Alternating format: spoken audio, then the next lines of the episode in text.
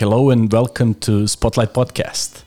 Tonight we are filming from our small studio in Sarajevo. I have a special guest tonight. Tonight with us are Nicholas and Priya from John Hopkins University, Bologna campus. Guys, welcome to the Spotlight Podcast. Thanks very much. And thanks for having us. Please tell me, uh, how do you feel in Sarajevo so far? Uh, Sarajevo has been lovely. Uh, we're here as part of a study trip that the university and its affiliated think tank put on each year. And this is actually the first time that the trip has been happening since 2020. So it's a real pleasure to be here and a unique privilege that I wouldn't be able to have, wouldn't able to, wouldn't be able to have had otherwise in, in most other circumstances. So the, the pause was uh, because of the COVID nineteen pandemic, right? Yes, exactly. Because I when I did my research, I saw that since uh, 2013, I think every every every year you guys send delegation to Sarajevo and visit various places. Yes, actually, the first year that this trip ran was 2001. So Wow. very recent after the the wars The war. concluded. Um, so basically, 22 years of anniversary of this uh, bilateral relations. exactly. Nice, Exactly. nice. Um, can you tell me your impressions in general about the Sarajevo so far? It has really been uh, a very surprising city in the most positive ways. Um, I think I can speak for our entire group and say that it's been a very welcoming and warm city, even as it's been snowing almost every day we've been here, Yeah. and the weather's obviously been cold, but such is the Balkan January. Yeah. Um, but the everyone from locals on the street to folks working in shops and restaurants to our guides and drivers have, have really been wonderful. And I think it's been a very unique experience for all of us. Um, Very nice. Priya, what about you? Sorry, Nicholas. No, please, And please. It's kind of this kind of form, a Yeah, yeah. podcast, but uh, I admit I'm doing it the first time with the, with the two guests. No, it's it's it's great. Um, I Sarajevo is very different from from any place that I've traveled to, and and I have been able to travel to quite a few places. And what strikes me about Sarajevo is. Um, Walking around, I mean, I, I do think that it's a very pretty city. And then also, you know, you're walking around and you see a mosque, and then you see a synagogue, and then you see a church, and it's really multicultural. Um, and that's something that, you know, you don't get in a lot of Western European cities. And so that's something that I think is very special about Sarajevo. And, and um, it's, it's just been really really interesting to be here and and learn about the history of the city and and you know what people have survived And, and we are talking about proximity in diameter less than one kilometer. So the, the mosque and right the church. right right and- i mean almost right next to each other Yeah. yeah and and so many across the city And, and, people uh, are living in a harmony. and and just to see you know um, historical sites of, of such great significance to see where Archduke Franz Ferdinand was assassinated and and to you know think that this is the spot of so many significant historical events. It just really um, brings you into the moment in a way that not you know some other cities just don't quite have that same impact. Exactly. Um, can you tell me so far what are the official institutions that you had the pleasure to visit? And uh, uh, what are your impressions? Yes, uh, you caught us at a great time because we have concluded our entire itinerary, our very busy itinerary of the last few days.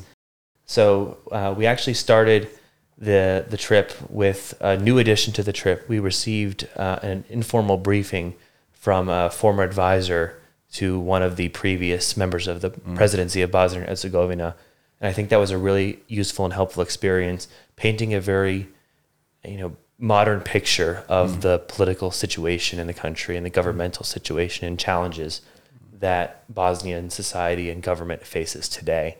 Um, something that articles and historical uh, readings and other resources might not really be able to be as helpful about illustrating. So, so what, what is your uh, personal impression about about these uh, uh, these things, Nicholas, at the moment that you hear? You know, I've been um, following Bosnian and Balkan politics and government and elections for a little bit longer than I think most of the others on the trip. So it's a little less surprising to me, um, but it was still for me very helpful uh, to hear You have that from insight. that exactly to have that insight from someone who's worked within the system, worked day to day, facing these challenges as part of his job, and is able to speak freely about them, which is, I think, a very useful and helpful uh, opportunity for us. Mm. Priya, you coming, you come from uh, from uh, Connecticut. Yes. Uh, can you tell me uh, what was your previous knowledge about the, the region? Six former states of uh, former Yugosl Yugoslav Republic Mhm. and uh, Federation of Bosnia and Herzegovina in particular.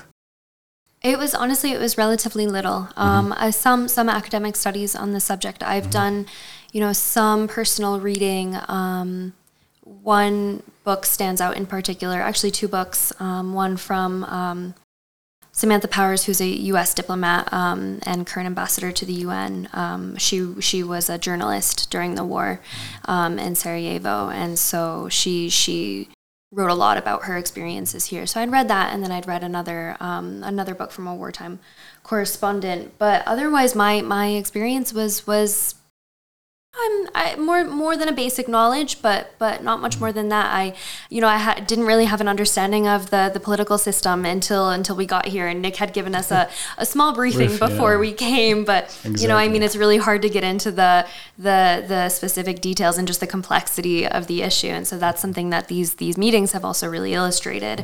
Um, is just how complex the political situation is here, but it's it's also really really interesting. And Yeah, I do. I do feel that the uh, um, uh, complex is the right word to describe the, the whole situation in the Western Balkans at the moment. And um, in general, um, uh, what is the impression that you will uh, take uh, back home uh, about the, the current situation here and uh, the overall picture that you, you kind of have at the Mm. moment? Maybe Nicholas can jump in and help a little bit Sure. wh- while you think. what what I never could have predicted or prepared for, what we received, what we learned from the Mhm. different meetings. So to answer your original question, our first meeting on Monday, this past Monday, was with the director of the Directorate for European Integration for the Bosnian Council of Ministers. Mhm. So this was a, this is a man who's the really the top civil servant for the Bosnian government, who's Mm. working and advising the government on steps that are needed to be taken towards European integration Mhm. which is uh, you know a very timely subject and a very notable subject right now as Mhm. Bosnia received candidate status for the EU just Mhm. last year.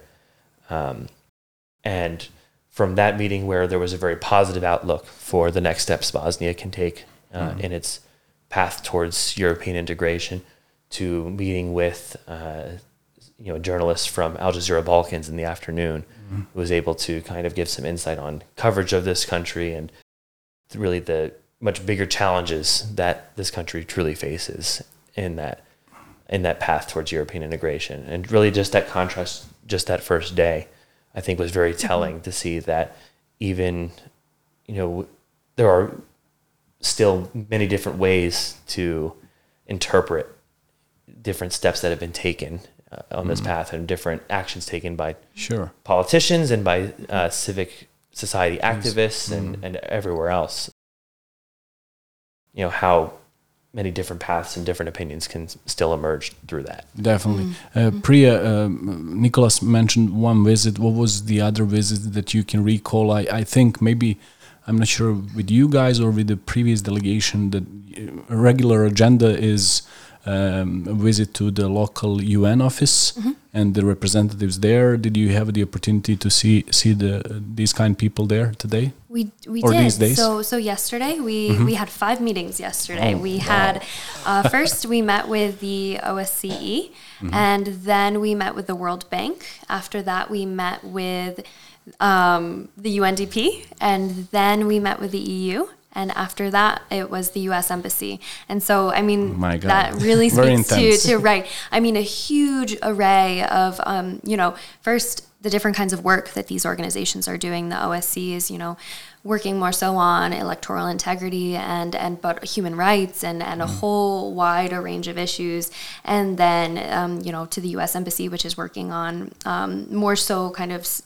The, the political situation and the World Bank, which is kind of working on financing different infrastructure projects, and so we really ha- we got insight into all of that. Um, today we met with the women of Srebrenica. Um, we we took a trip by bus over over to Srebrenica, and and for me, that was, I mean, I think for everyone, that was a really, really impactful visit. Um, and I think the biggest take, I mean, there are a lot of takeaways here, but for me, the biggest takeaway was the, the resilience of people um, to, to rebuild life and, and to keep going. And that was something that really, really struck me meeting with the women today was was their resilience and their friendship and their deep ties that they've made with one another and their commitment to their home. Um, Commem- commemoration that ha- that mm-hmm. is happening every year. It's uh, really it's been a heartbreaking event for um, a lot of officials in the region, and yeah. it's an opportunity to, for all of them to, to gather and to, to speak with each other again and to recall some of the mm. some of the you know most important decisions uh, yeah. that were made and uh, um, basically to kind of recall how we end up in the situation mm-hmm. with the war and everything so so I'm, I'm very glad that you guys had this opportunity to have this visit and um, um, I hope that further generations will also from your school uh, have the, the same opportunity as you as you do absolutely yeah. and one of my goals in planning this trip this year, mm. and it was not a trip I expected to be planning. Mm. I uh, was looped in on. I knew about this trip taking place generally when I was considering attending mm. Johns Hopkins SAIS, um, but only after I started classes back in the fall was the opportunity offered to me to be the coordinator of this year's trip. I really didn't know what it would entail what I came to discover was after three years of the trip being on hiatus, there were quite a few gaps to fill in terms of different organizations to reach out to, different contacts, different scheduling. The situation has changed. Exactly, also, the situation yeah. has changed politically in the country over yeah. three years, mm. quite quite drastically in certain aspects. So I had to make a lot of decisions in planning this trip to make sure that the attendees of the trip, myself included, would get uh, you know a really as accurate picture as possible of the country in every aspect. Um, and my goal with future years is that hopefully between all the work done in previous years that I was able to use for this year's planning, as well as my planning of this year, future years are going to be set up for success in, in coming back here, being encouraged to come back here, uh, because I think this trip has been immensely rewarding, both personally as well as professionally, and also academically.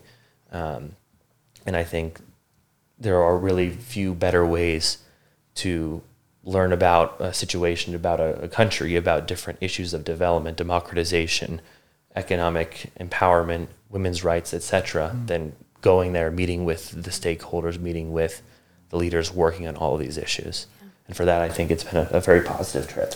It uh, no, absolutely, and and I think that we, you know, when you're when you're coming on a trip like this, um, especially for people that haven't visited the region before, which most of us hadn't. You know, you have a great responsibility to to come in and as learn as much as you can and and try not to you know impose your own opinions on the situation particularly a situation that's so sensitive and so we were able i mean just with the breadth of organizations that nick was able to organize we were able to get a really really good understanding of of the situation on the ground i think to the best extent that we can because you know there i mean we're only here for a few days there's sure. there's there's you know i mean we're not even close to to knowing as much as as we can or should about the country, but um, it was, I mean, it was just really interesting too.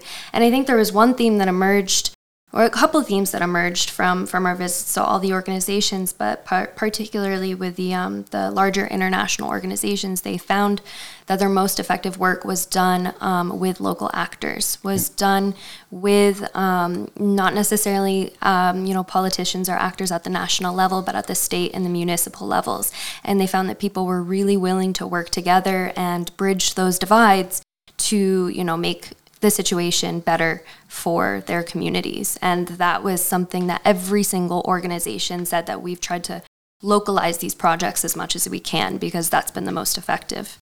That was basically uh, the the point that I was trying to make in my head while Nicholas was uh, was talking um, to ask you about the, the, the, the, civic sector and the NGO um, uh, the NGO sector as well.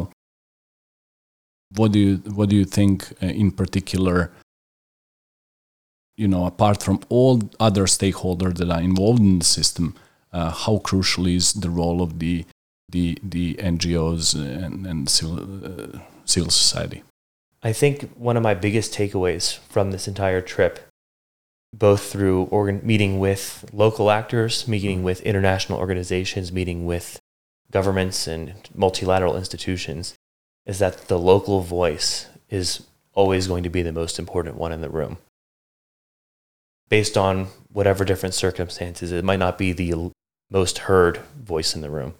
And I think that's often to the organization's disadvantage. Mm. Because I think one thing a number of us noticed going to meeting after meeting was that the, the local staff that was assisting in the mm. meetings, when they were able to pipe in about uh, an issue that they were working on or an issue that they brought up to an organ this you know larger organization they're working for because they know the people, they know the culture, they know the history better than any other international institution or actor could ever. Um, that's that voice and those groups uh, and those people working on those issues, bringing those up, uh, both through their own organizations, but also through these larger stakeholders in the region. That's going to be crucial for any successes this country or any country in the region has in the coming years. I think part of the the reason why this country manages uh, or managed to develop after this uh, um, uh, after this terrible war was exactly the the civic sector and the fact that um, myself I, I, had the opportunity to to host around 10 people up to now uh, in our uh, spotlight podcast and every single one of these um, uh, were engaged in volunteering uh, various kinds uh, from from let's say um, preparing packages for the kids uh, and or- orphan kids packages for the New Year's Eve and the Christmas up to the fact that they had prepared um, uh, various educational uh, uh, opportunities for them, both online and in person, where they organize Zoom Zoom meetings and various courses for English language, for German language, for uh, ICT sectors. So um, I think um, the, the the civil society in Bosnia is second to none in the region, and if you agree with me, this is maybe one of the most important reasons why, as I said, this country managed to rebuild. And I think it goes hand in hand, and you mentioned it just in, in that bit about the need for improvement of, of the education system yeah. in this country. And I think one thing that we all remarked on after meeting after meeting was education was a common theme the need for education system reform and improvement mm. um, and advancement in this country. The divisions that exist in the education system are crippling to both the quality of education students are receiving, but also to the, the future health of the education system overall. I mean, I think one issue that many can relate to, uh, even from the US, is education systems are quick to go into a death spiral when mm-hmm. there's a lack of quality and there's a lack of funding. Sure. Um, and obviously to different extents. I don't mean to compare the two. Mm. Um, but when you have two schools under one roof, that's a, a very common issue in the Federation here, um, as well as the second entity, Republika Srpska, having its entire own school system, but all three systems having their own curriculum, own teachers, own administrators, own board supervisors, or school board in general. And that's very damaging to, to children. Mm. And when you're trying, when the civic society, when civil society is working towards building a brighter future for this country, one that people value each other's differences and respect each other's differences, a difference of ethnicity, religion, identity. Having a system that categorizes people in the way that it currently does in many cases uh, is immensely damaging to mm. that future. But I was very impressed by so many different organizations work in this sector, in this field, in trying to bridge those gaps and close those divides so that students now have the opportunity to grow up in a society or grow up in at least an education system that values each of them individually and equally, regardless of, of their background or who their parents are or, or where they live. To realize mm-hmm. that the, the kids, you know, the the kids that they live down the street from or the kids that they go to school at a different time from just because of you know their their ethnic differences or really just kids just like them and that was a, that was a really fundamental theme in in all of our meetings was that it starts with kids and with their education and then that it's just so critically important um, throughout the elementary, middle, Mm-hmm. high school level up to, to undergrad and postgrad Right. studies. Yep. Absolutely. And a, a, a statement we heard multiple times over the last few days was that some of the most radicalized citizens in this country, and that was the term that was used, not one that I'm Uh, picking sure, up, sure. were the youngest. Uh, and it's the generation that did, that grew up after the war, so they did not see the the pain and destruction that those divisions caused in the past. But also children that grew up have grown up in a system that is categorizing them, that they do not know that there is a, a better way forward that does not put them into specific groups and identities and, and divide society based on those those differences. And you know, my perception from the past few days has been that that leads to just a, a generation of people, a generation of citizens mm. that do think that their neighbor that goes to a, a different religious service is worse than them or somehow does not belong in their neighborhood or in their town. it's a reciprocal division that It is. it's something that just keeps um you know something that's very difficult to overcome and just continues to to be perpetuated Mm-hmm. otherwise and and yeah i mean kind of parallel to that is that um a lot of young people are leaving leaving the country um, because they, they feel that there is a lack of opportunity here and and I think part of that is also due to the to the education system and, and then also just the lack of investment and in you know business and, and enterprise and education for so many is is it's a way up and a way out and Yeah. and that's across the world that's something that's universal is that Yeah. education is you know f- it should be something that every single kid should get that's you know supposed to be the place where you can go to school and get you know have classes where you're you're, you're taught the truth and you're taught you know you're it's yeah i don't Not, not the reason why Right. you're thinking to leave. right Do you think that um, uh, do you think that this issue is uh, particularly addressed uh, properly? Let's say, uh, in a sense that um, um, if the education um, is a burning issue, and uh, if they feel that they're gonna receive a better education elsewhere, uh, do you think that the countries in the region and Bosnia in particular, the federation, um, actually, I'm trying to, to, to put it in a way that uh, authorities are addressing these I- issue properly. Uh, do you feel this is this is the situation at the moment? I think there are efforts that Mhm. are taking place to address those issues. Mhm. But unfortunately, as well intentioned as they are and as important as they are, they're only going so far because Mhm. the people and the organizations and the entities that are recognizing those challenges and trying to fix them Mm. are doing it from the outside. They're Mm.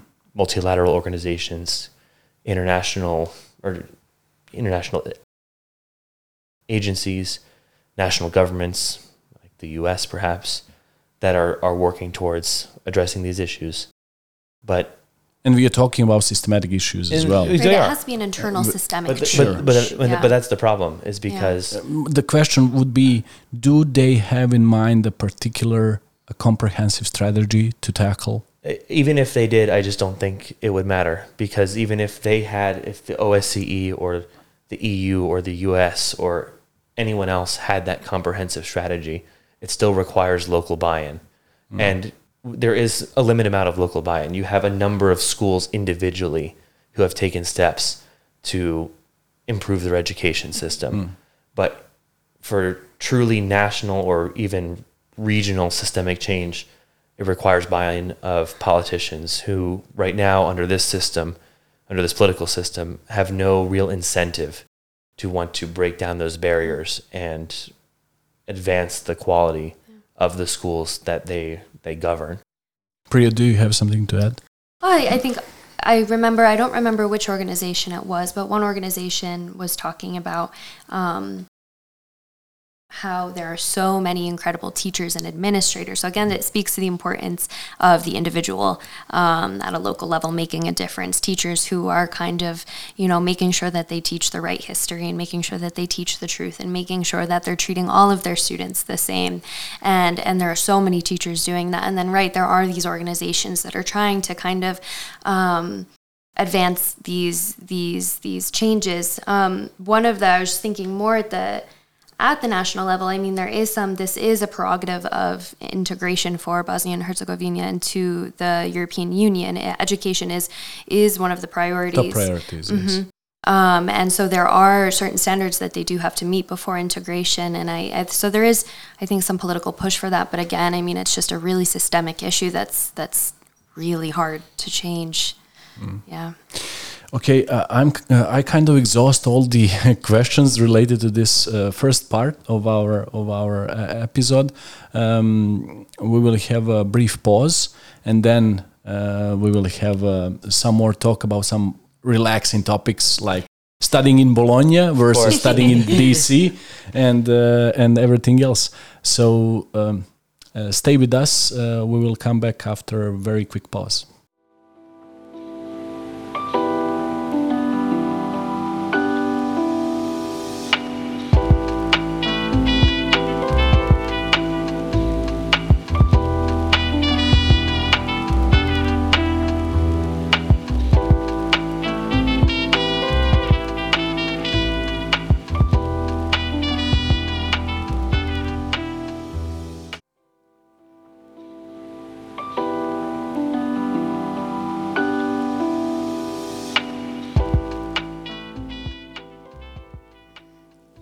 Here we are again in our small studio in Sarajevo.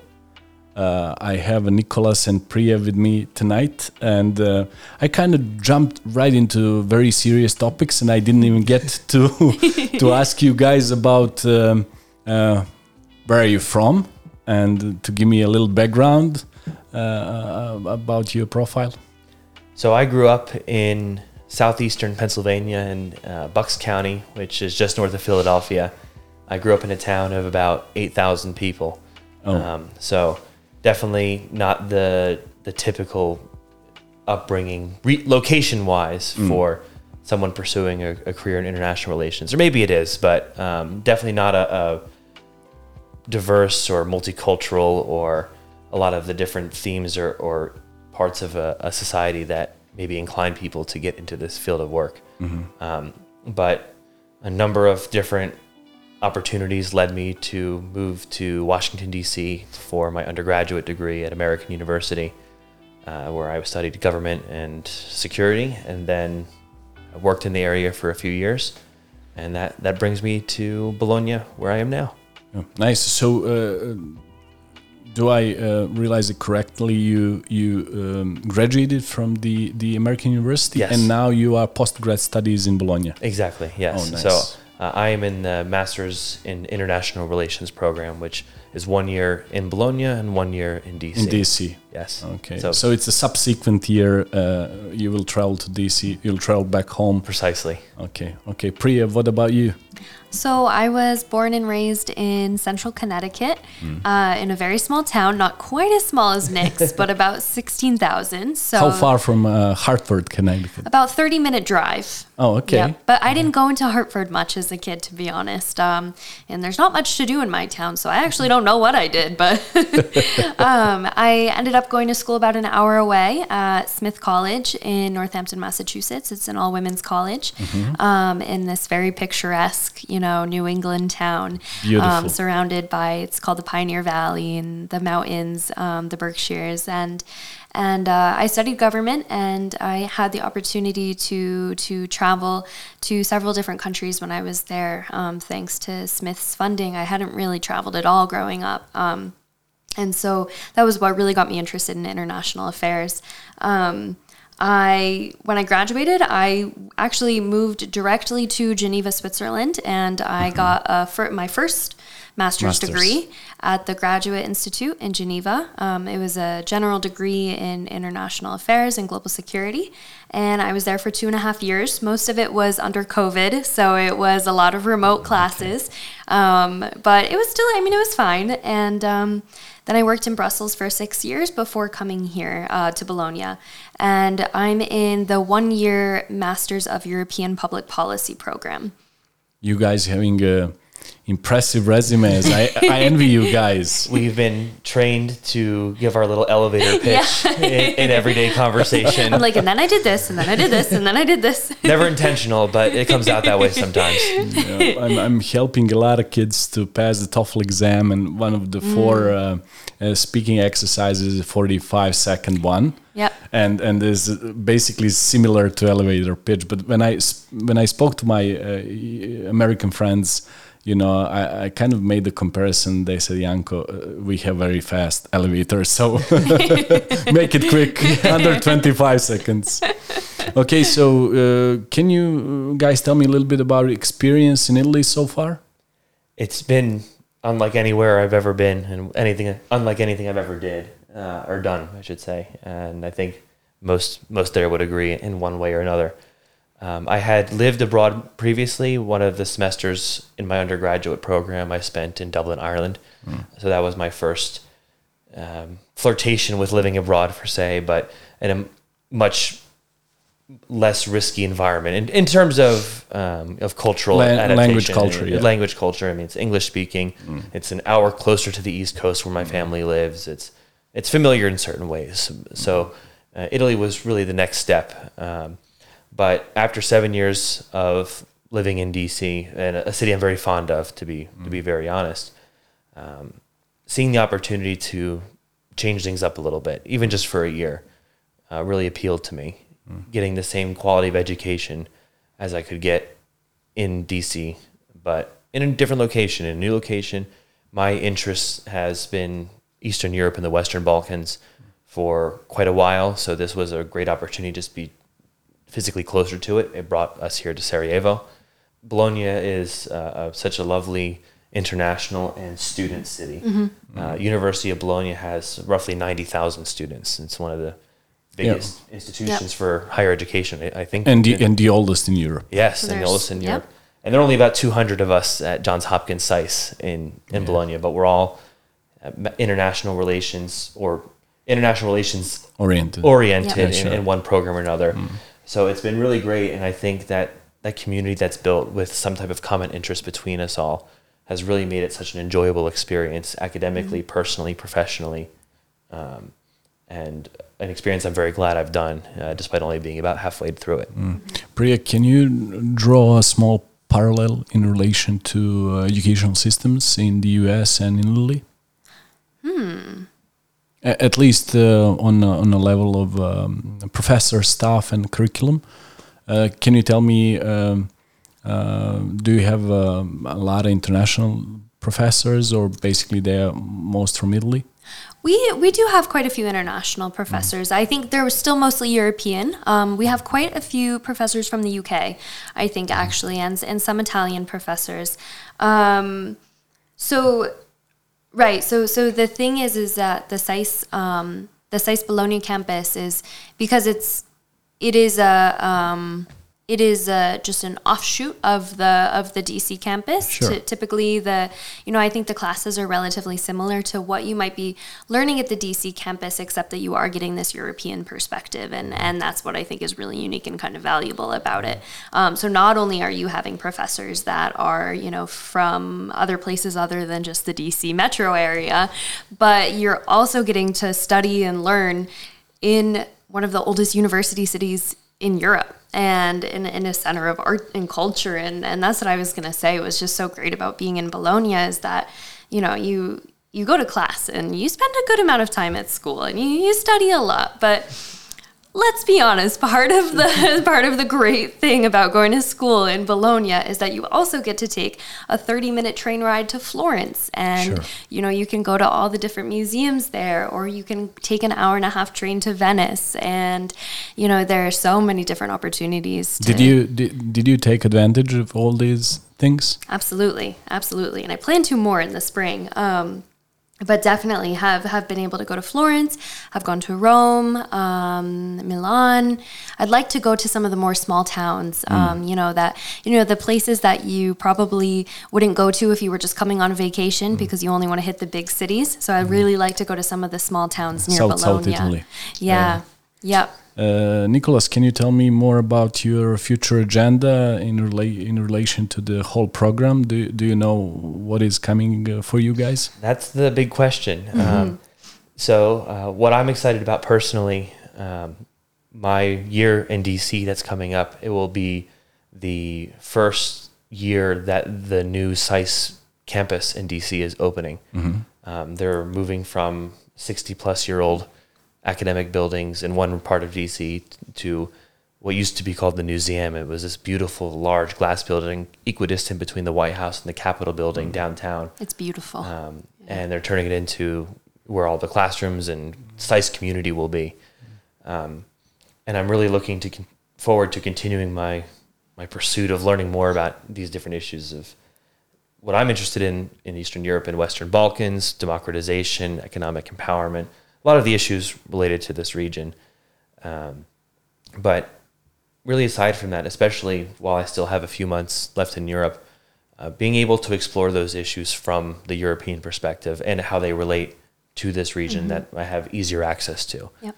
Um, you know, it's not an opportunity most get to have that you can on a long weekend visit somewhere like Romania or Moldova or Bulgaria, countries that are easy to get to logistically from Europe, but next to impossible to for a short amount of time from the U.S.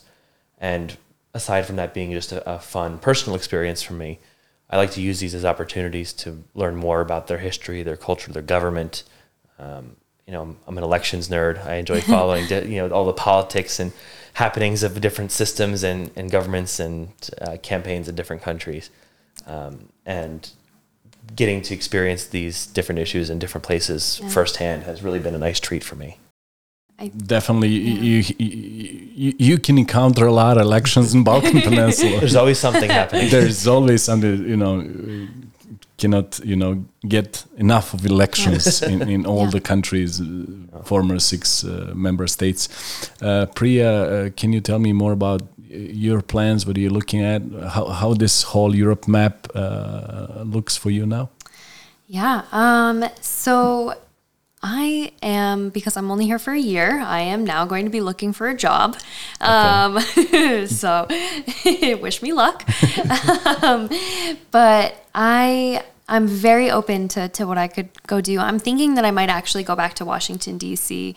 and and try to work there for a few years. Um, I'm really interested. I mean, one of the great things about SAIS, and this was not something that I got in my previous program, was um, is one that the opportunities for networking uh, with with alumni that are st- really stationed all over the world and and all over Europe, and they're doing just really really interesting things, and you know the the career services that we've got at SAIS and that kind of thing. Um, so I have learned a lot more about. Um, strategic advisory firms that I didn't really know much about. And so now I'm starting to consider that as a career.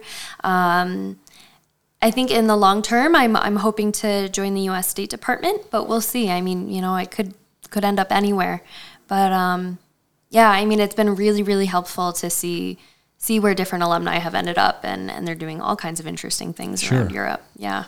Okay, so after Geneva and uh, uh, after Italy, you you're thinking of going back back home and and uh, applying uh, for some opportunities in DC. I've been away for a while. It might be nice to go. Yeah, home. definitely. Yeah. Definitely, Yeah. and then come back to Europe again. Exactly. exactly. A vicious loop. no, it's, it's my ideal scenario right now in a future world where I get to just arbitrarily choose my work setup and Yeah. work location, splitting time maybe Yeah. equally between uh, the Washington area and, and Europe. Of course, I'll, I'll tell you. Um, uh, I had uh, around 30 guests guests so far, and um, uh, most of them were um, Chevening alumni, Fulbright alumni, and I realized that for them the most beautiful and desirable combo was okay, I will study for a year and then I work for three years. So three year of work, one year of study. Two year of work, Yep. one year of study, and uh, preferably uh, somewhere outside the, the borders of, of their home country. So so I think uh, uh, y- you guys are also looking at this this option as well. Oh yeah. Absolutely. You know, I it was hard for me to predict ending up in a master's program, uh, especially in the timeline I did. A lot of very interesting and unique circumstances lead one to that point. I think, Yeah. and it's not this standard, almost stereotypical uh, path that people often envision taking towards a, a postgraduate degree. Um, but you know, I'm very thankful that life worked out in a way that brought me to this program and brought me just to the opportunity and the ability to learn more and take you know further my education in general. Um, you know, it's not something that that many get to do, and I'm very thankful for the opportunity, and I really hope to get a lot out of it. And part of that has been you know ensuring that I'm getting those unique, direct experiences to further my education. For example, this trip, I think. Um, especially going back to Washington next year for the program, and then who knows beyond that for, Yeah. for work. There's no guarantee that I'll constantly have the ability to get that hands-on experience and hands-on uh, educational opportunity that can make me a better uh, contributor to whatever organization or agency or company or, or NGO that I might be working at. So using this time now, I think, is crucial for, for a lot of us um, to be able to take these lessons that we've learned through this program, uh, through these opportunities, and, and apply them in whatever future way we can. Uh, Priya, what do you think um, about the opportunities for um, US students to come for uh, uh, at least a semester or maybe a whole year to study in Europe? Uh, I feel that a lot of students, uh, including you guys, are considering this option. Um, basically, uh, from the, um I mean, tuition wise, Yep. uh, obviously we know Yep. that uh, uh, tuitions in the US are uh, astronomical compared to Right. these um, uh, comparable options in in, Yep. in, in, Eu- in Europe. So uh, I feel that a lot of uh, uh, um, uh, your compatriots are thinking about uh, extending their studies in Europe. Yep. I mean, there are so many ways I think now to design your academic career and and align it to your interests. Um, and I think COVID's made a lot of these opportunities actually more accessible in a way because there are now ways to, to not only do remote internships, but also do remote degrees. But in terms of actually coming to Europe, I mean, there are lots of opportunities to, to spend a semester abroad. I mean, SAIS allows its students to go do semesters abroad at other schools. Somebody in our program is about to go spend the semester at Sciences Po in Paris. Um, but they also accept uh, students from other schools. So we have lots of students that are going to university in Germany who spent a semester at Bologna um, at SAIS. Um, at the Graduate Institute where I was before this, we, you know, there were, and that that is because SAIS is still a, a U.S. based institution, so the tuition prices are quite high, even in Bologna. But something like the Graduate Institute had much more. Um, had prices that were much more on the, the European level, much much more affordable, and and they had all kinds of opportunities for for different um, study abroad semesters and and that kind of thing. But I mean, SAIS also does so not only the Sarajevo study trip, but we also have things like career treks. We have there are different kinds of study trips and and not just semesters abroad, but all different kinds of things that you can do. I, I, I felt that a lot of students from UX are considering Netherlands and Scandinavian countries in particular, um, Sweden and, and, and Finland, uh, and also, uh, as you said, Germ- Germany, Austria, and, Yeah. and Italy. Uh, what's your feeling, uh, Nicholas? Do you have some friends around? It's funny, actually. Um, someone I remember from my first year at under my undergrad program, after the first year, transferred to a German university because she found it to be, you know, an equally high quality Yeah, rewarding, program, yeah. and cost her literally nothing in tuition uh, Exactly. for that. Um, you know, unfortunately, I think right now there's still a stigma in the U.S. against uh, foreign degrees. Uh, Study abroad for a semester is usually through your home Yeah. institution, so I, I really wouldn't compare that. Right. But I think there's still a perception by many employers and even many academic programs in the U.S. that getting a, an entire degree at a, at a European institution, a European university, or somewhere else in the world for that matter, is inherently worse somehow than than getting one in the U.S. Yeah, that's so true. Yeah. And, and maybe part of it is because it's just you know the, the institutions aren't as well known. I mean, why would they be? It's not. These aren't destinations for thousands upon thousands of American students. Um, but it, maybe I don't know. Maybe you can speak a little bit about you know the Graduate Institute experience for yourself in Geneva, uh, being an American in a you know completely European, unaffiliated with a U.S. program. Yep.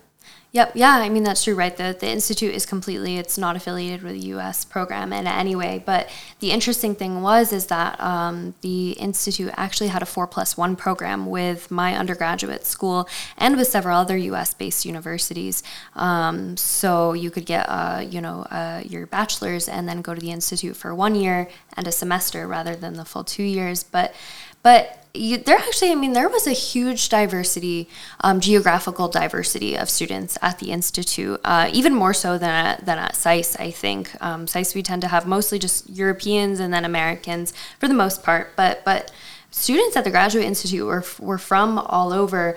Um, I think that that's partly because the institute is known for being um, it it sets you up to work in a humanitarian setting or with a, an NGO or an international organization like the UN to work. Particularly, they specialize in development and humanitarian programs and and that kind of thing. But I mean, in terms of, I've actually had employers.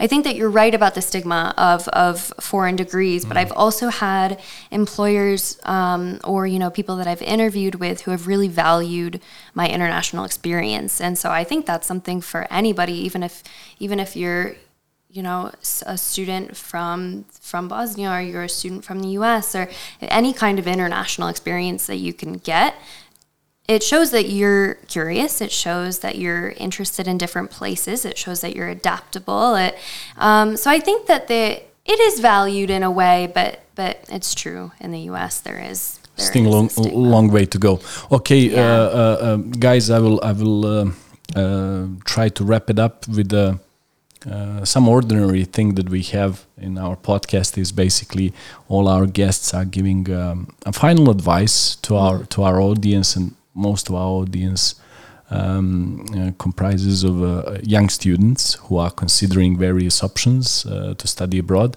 So, what would be um, your advice in general? Uh, if I could kindly ask you to to, to give me uh, your opinion.